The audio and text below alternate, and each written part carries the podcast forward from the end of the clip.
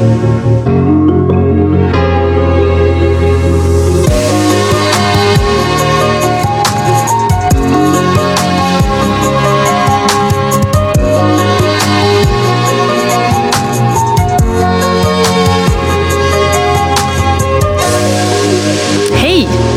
och välkommen till Sanofis podd Ett samtal om diabetes.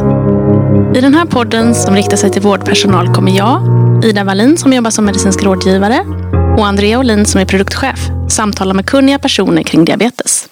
I det här poddavsnittet pratar vi med Katarina Fager om ketoner vid diabetes. Eh, Katarina är överläkare vid Skånes universitetssjukhus i Lund. Välkommen Katarina! Tack så mycket. Kan inte du berätta lite om din vardag? Eh, jag arbetar ju då som endokrinolog eh, på Skånes universitetssjukhus i Lund och eh, jag arbetar ju både med hormonsjukdomar men mitt specialområde är inom diabetes där jag också har ehm, en del av min forskning. Och i min vardag så träffar jag ju både patienter med typ 1 och typ 2 diabetes där jag genomför årskontroller. och arbetar också med komplikationer till diabetes och då framförallt med diabetesfotkomplikationer. Sen har jag ett ansvarsområde vilket är vår dagvårdsverksamhet och där har vi bland annat remissbesök från primärvården där de behöver hjälp med svårinställd diabetes men också där vi tar hand om nydebuterade individer med diabetes och det kan ju då till exempel vara patienter som har legat inne för en ketoacidos eh, i samband med debut. Mm. Det här avsnittet kommer ju handla om just ketoner vid diabetes. Men varför uppstår ketoner i en patient med diabetes? Ja, det uppstår, ketonerna bildas ju i levern och eh, det sker när det blir en obalans mellan insulin som ju då sänker glukos och släpper in glukos i cellerna och de motreglerande hormonerna till insulin och det är då glukagon, kortisol och adrenalin. Det vi normalt sett kallar lite stresshormoner och eh, hormoner som höjer glukoset. Och blir det då en obalans mellan insulin och de här motreglerande hormonerna så börjar levern bilda ketonkroppar Ketonerna fungerar då som ett, både som ett bränsle men de är också syror så att de sänker pH i kroppen. Okej, okay, men när ska man mäta ketoner i kroppen? Om, som, om man ska tänka som vårdgivare eller råd som man ska ge till patient? Ja, för det första eh, så rekommenderar man ju att man mäter ketoner om man har symptom som kan vara förenliga med en ketoacidos. Eh, och då är ju då frågan vad är det för symptom som man ska vara uppmärksam på och eh, som regel är det högt, högt blodsocker och påverkat allmäntillstånd, illamående, kräkningar eller buksmärta. Eh, då bör man kontrollera ketoner och utesluta att det rör sig om en ketoacidos. Sen finns det också undantag från eh, det här höga blodsockret vid ketoacidos. Man pratar om att det finns något som heter normoglykem ketoacidos. Det vill säga blodsockret behöver inte vara så särskilt högt. Eh, det ska man misstänka om man har en patient med eh, insulinpump till exempel. Individer med insulinpump har ju inget långverkande insulin i kroppen så får de problem med sin pump så kan det gå ganska snabbt eh, till att deras lever börjar bilda ketonkroppar. Och då behöver inte blodsockret ha hunnit stiga så särskilt snabbt. Så pumpbehandlade patienter ska man vara lite extra observanta på och mäta ketoner mer frikostigt om de mår dåligt. En annan patientgrupp är gravida patienter med typ 1-diabetes. Eh, de behöver inte heller alltid eh, ha så särskilt högt glukos men kan ändå ha en ketoacidos. Eh, så där bör man också vara väldigt observant om en gravid kvinna med typ 1-diabetes kommer in med illamående och kräkningar. Då bör man kontrollera ketoner. Och ketoacidos hos gravida är väldigt allvarligt och hög risk för att det går illa för fostret. Sen finns det då även nu eh, en eh, grupp av patienter som har kommit lite mer i ropet sista tiden och det är patienter som står på SGLT2-hämmare. Ett läkemedel som gör att man kissar ut socker och eh, det finns där en liten ökad risk för norm och glykem ketoacidos hos de här patienterna också. Så även här eh, bör man vara frikostig med att mäta blodketoner om en patient som står på SGLT2-hämmare mår dåligt och är allmänpåverkad. En annan grupp är alla med nydebuterad diabetes där man ju bör utesluta att det inte eh, finns ketoner med i bilden. Eh, för då bör ju en sån patient eh, komma till akutmottagningen för bedömning där. Så att egentligen patienter med högt blodsocker och allmänpåverkan bör bli kontrollerade med blodketoner. Och vilka ska då ha en ketonmätare? Ja, om man ska prata vårdinrättningar eh, så rekommenderar vi att alla som behandlar eller tar hand om patienter med ketoner bör ha en egen ketonmätare på vårdinrättningen. Som alla vårdcentraler tycker vi bör ha en blodketonmätare. Eh, alla akutmottagningar, avdelningar som till exempel behandlar patienter med ketoacidos bör också ha möjlighet att kontrollera blodketoner. Och vi rekommenderar ju starkt blodketoner till skillnad från urinketoner. Där blodketoner är mycket, mycket mer eh, precisa, mäter ögonblicksbilden hur det ser ut i blodet just nu. Eh, till skillnad från urinketoner som eh, för det första inte mäter den mest dominerande ketonkroppen som, som finns vid en ketoacidos. Eh, och dessutom att det finns då en fördröjning. Det här ska ju ut i urinen och sen så kan det ju ligga i urinblåsan under lång tid så att det blir inte den sanna ögonblicksbilden när man mäter urinketoner. Och därför är ju det vi rekommenderar är att man går över helt och hållet till blodketonmätning. Ska även vissa patienter ha sådana hemma tycker du? Det är ju också eh, något som vi absolut eh, tycker tycker att alla patienter med pump bör kunna mäta ketoner. För som jag sa tidigare, att patienter med pump kan utveckla en ketoacidos ganska snabbt inom loppet av ett par timmar eh, Eh, om det är problem med pumpen. Patienter som eh, kanske har haft problem med ketoner tidigare, eh, där kan det också underlätta att man har möjlighet att mäta ketoner hem eh, själv. Gravida kan man ju överväga också eh, och i synnerhet gravida med pump bör absolut ha möjlighet att mäta blodketoner själv. Eh, så att patienten ska ju kunna hantera och förstå hur de ska tolka resultatet men egentligen typ 1 diabetespatienter som förstår och kan hantera detta, där, där skadar det inte att man kan mäta blodketoner själv. Är det någon skillnad mellan typ 1 och typ 2 diabetes gällande vad ketoner har för påverkan på kroppen? Ja, eh, alltså keton, ket, både typ 1 och typ 2 diabetespatienter kan bilda ketoner. Vi kan ju bilda ketoner allihopa, även friska individer. Eh, ketoner är ju något som inte bara är skadligt utan vi, vi alla bildar ketoner under svält. Eh, så det är helt fysiologiskt. Ketoner eh, bildas för att eh, vara ett bränsle i kroppen, alltså ett energisubstrat. Så när vi fastar under lång tid så bildar vår lever ketoner för att vi ska kunna använda dem som bränsle. Det som händer vid en ketoacidos är att det blir en kraftig ansamling av blodketoner ehm, och det gör då att man sänker pH i blodet och blir sjuk. Så att alla kan bilda ketoner och eh, det är inte bara skadligt. Men problemet då vid typ 1-diabetes eh, eh, det är ju att där har man ingen egen produktion av insulin. Så då är ju risken större att den här obalansen med givet insulin kontra de här motreglerande hormonerna som ju kan bildas vid akut sjukdom eller eh, kraftigt stresspåslag i kroppen. Om man då inte uppmärksammar och ger mer insulin så är ju risken mycket större hos en individ med typ 1-diabetes att man börjar bilda ketoner. När det gäller patienter med typ 2-diabetes så är det ju då den här gruppen som kanske står på SGLT2-hämmare som är lite extra känsliga för att bilda ketoner. Och där bör man också vara extra uppmärksam hos de individerna på ketoacidos.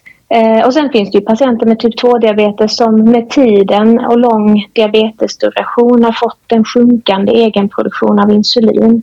Och då finns ju en risk att de också kan bilda en onormal mängd med ketoner i händelse av akut sjukdom och så vidare. Så att alla kan bilda ketoner men eh, typ 1-diabetesindivider är ju absolut mest utsatta. Om man nu har eh, fått fått oturen att, att få en ketoacidos och hamna på akuten, vad händer där? Först är det viktigt att man ställer diagnosen väldigt eh, snabbt så att man kan komma till behandling snabbt. Eh, och diagnosen bygger på tre kriterier egentligen och eh, det första kriteriet är då högt blodsocker och där har man väl satt en gräns idag på att det ska ligga över 11.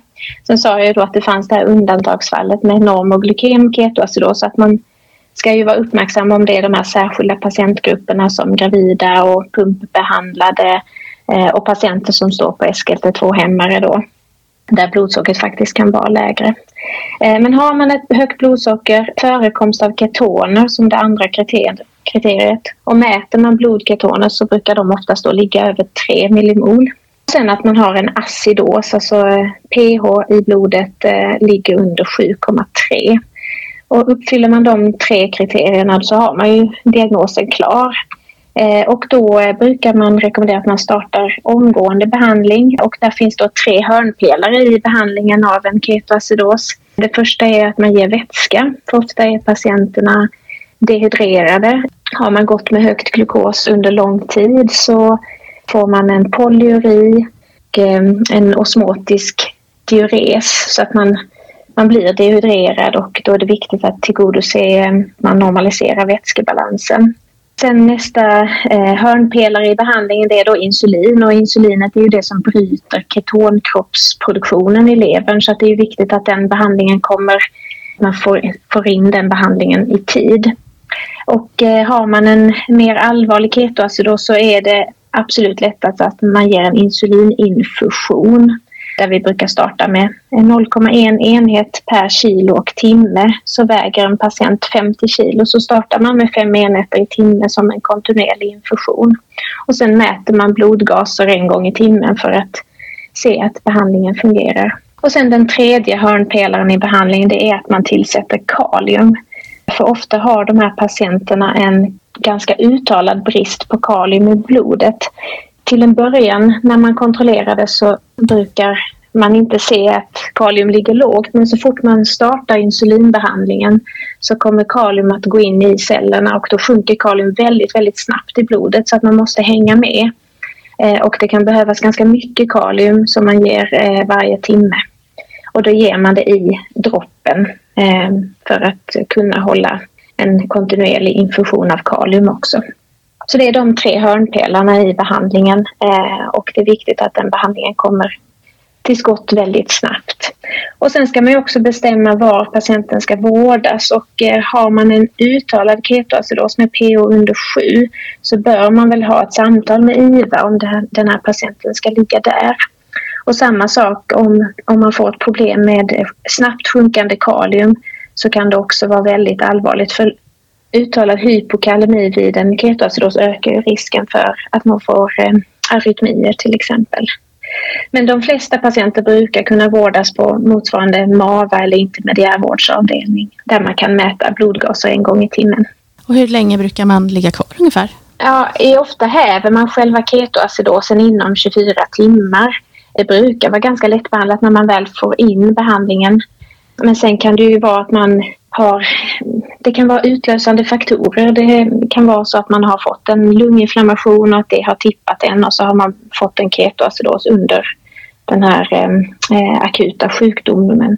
Och då är det klart att då behöver man ju kanske längre behandling på grund av det. Så att det är alltid svårt att säga vad medelvårdtiden blir efter en ketoacidos men själva acidosen brukar oftast vara hävd inom ett dygn. Finns det något sätt man kan förebygga och förbereda en patient som har risk för ketoacidos? Ja, det kan man absolut. Det viktiga om man eh, har hand om typ 1-diabetespatienter så är det väldigt viktigt att patienten själv är informerad om att aldrig sluta att ta sitt insulin. Eh, för har man en absolut insulinbrist så är man ju helt beroende av att man varje dag eh, får sitt insulin. Och att man vet om att insulinbehovet ökar vid akut sjukdom. När man pratar med patienter med diabetes så Eh, det svåraste tillståndet eh, som många upplever att liksom hålla kontroll över sin diabetes det är när man får en kräksjuka. Eh, för då har man ju svårt att äta och ehm, då är det många som inte riktigt vet vad de ska göra med sitt insulin när de inte kan äta. Och det viktiga där är väl att patienten är informerad om att all, alltid ta sitt basinsulin, att aldrig sluta med det. Och sen att åtminstone försöka få i sig lite dryck som innehåller kolhydrater så att man kan ge sig små doser med snabbverkande insulin under dagen då, trots att man kräker. Och att man håller kontroll över sitt blodsocker eh, eh, lite oftare än vad man kanske annars gör så att man ser att det inte eh, skenar iväg. Och här kan ju en ketonmätare vara en hjälp hos en sån individ också för att hålla koll att man har tillräckligt med insulin i kroppen för att hålla nere ketonbildningen. Och sen är det ju en annan grupp då att när man sätter in patienter på de här SGLT2-hemmapreparatet, även här att man informerar de patienterna. Och det som jag brukar rekommendera är att man säger till patienten att blir du akut sjuk, pausa den behandlingen då och sen sätter du in den igen när du mår bra. För det är ju framförallt vid akut sjukdom när de här motreglerande stresshormonerna stiger som det finns den här risken att det blir en obalans och att man bör, drar igång ketonkroppsproduktionen lite mer ohämmat. Så att eh, informera patienten om att pausa SGLT2-hämmare i samband med akut sjukdom. Sen är det ju den stora utmaningen, det är ju eh, patienter där faktiskt eh, patienter drabbas av ketoacidos under inneliggande vård på sjukhus. Där vi eh, har en utmaning idag med att vi har en åldrande population och även då åldrande individer med typ 1-diabetes. Där man är lite mer beroende av hjälp och eh, beroende av att andra sköter ens medicinering och eh, här eh, tror jag att vi har en stor utmaning för vården framöver att eh, Eh, göra vården säker för patienter med typ 1-diabetes som är lite äldre och mer beroende av ehm, att andra sköter ens diabetes. Ja, hur ska man göra det? Jag tror det är mycket information till vård, olika vårdgivare och vårdavdelningar som kanske inte primärt handhar i diabetes utan det kanske är en kirurgavdelning eller ortopeden. Att man verkligen håller kontroll över blodsocker och tar hjälp med diabeteskonsult eh, när man har patienter med typ 1-diabetes som vårdas inneliggande så att det inte blir en ketoacidos under till exempel att man ska fasta och så får man inte sitt insulin och så vidare. Ja, tack Katarina, väldigt eh, intressant. Avslutningsvis här, är det någonting du skulle vilja skicka med till dina kollegor runt om i landet gällande ketoner och diabetes? Ja, egentligen alla som behandlar eller träffar diabetespatienter oavsett om det är typ 1 eller typ 2 att skaffa en ketonmätare till er vårdenhet om ni inte har det. Och, eh, det är ju sån här patientnära mätare eh, så den är ju väldigt enkel att ta ett kapillärt prov. Så det är väl den första, första rådet som jag skulle vilja skicka vidare till alla. Och sen att man eh, informerar patienter, eh, både då patienter med typ 1-diabetes, hur de ska hantera sin diabetes i samband med akut sjukdom för att undvika att det blir en ketoacidos som man hade kunnat slippa. För det här, man ska inte glömma att en ketoacidos, ett vårdtillfälle där det tar ganska mycket på patientens eh, ork och energi för ganska lång tid eh, efter. Så att kan man undvika ett vårdtillfälle med en ketoacidos så har man vunnit mycket för den patienten. Och att man informerar patienter som man sätter på SGLT2-hämmare. Man kan till exempel skriva på receptet eh, pausas vid akut sjukdom så står det där klart och tydligt för patienten varje morgon man tar den burken fram ur badrumsskåpet. Och sen eh, varje gång en patient ska läggas in som har diabetes och står på insulin, att man verkligen funderar om den här patienten står på insulin för sin överlevnad, det vill säga är den typ 1-diabetespatient eh, eller är den en patient som kanske har lite basinsulin för blodsockerkontroll men är kanske inte strikt beroende av insulin eh, utan har en egen insulinproduktion själv. Att man liksom fattar, eh, att man vid inläggningstillfället klargör det för mottagande avdelning till exempel så att de vet att den här patienten är, måste verkligen få sitt insulin och får absolut inte eh, man får absolut inte hoppa över en dos för då finns det risk för att det blir en, en ketoacidos under vårdtid, vårdtillfället.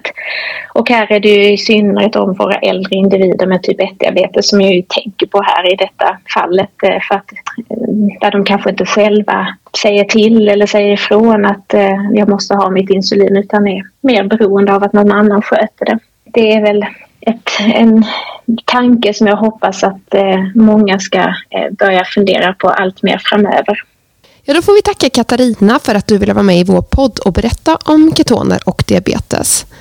Eh, och om du som lyssnar önskar återkoppla till oss så kan du höra av dig till ett samtal om diabetes sanofi.com. Eh, ett tips är att prenumerera på vår podcast så du får notiser när nya avsnitt blir klara. Eh, och I nästa poddavsnitt har vi med oss Ingela Bredenberg från Karolinska Universitetssjukhuset i Stockholm. Och Då ska vi prata om insulinbehandling ur diabetessjuksköterskans perspektiv. Tack för att ni lyssnade. Hej då! Hej då!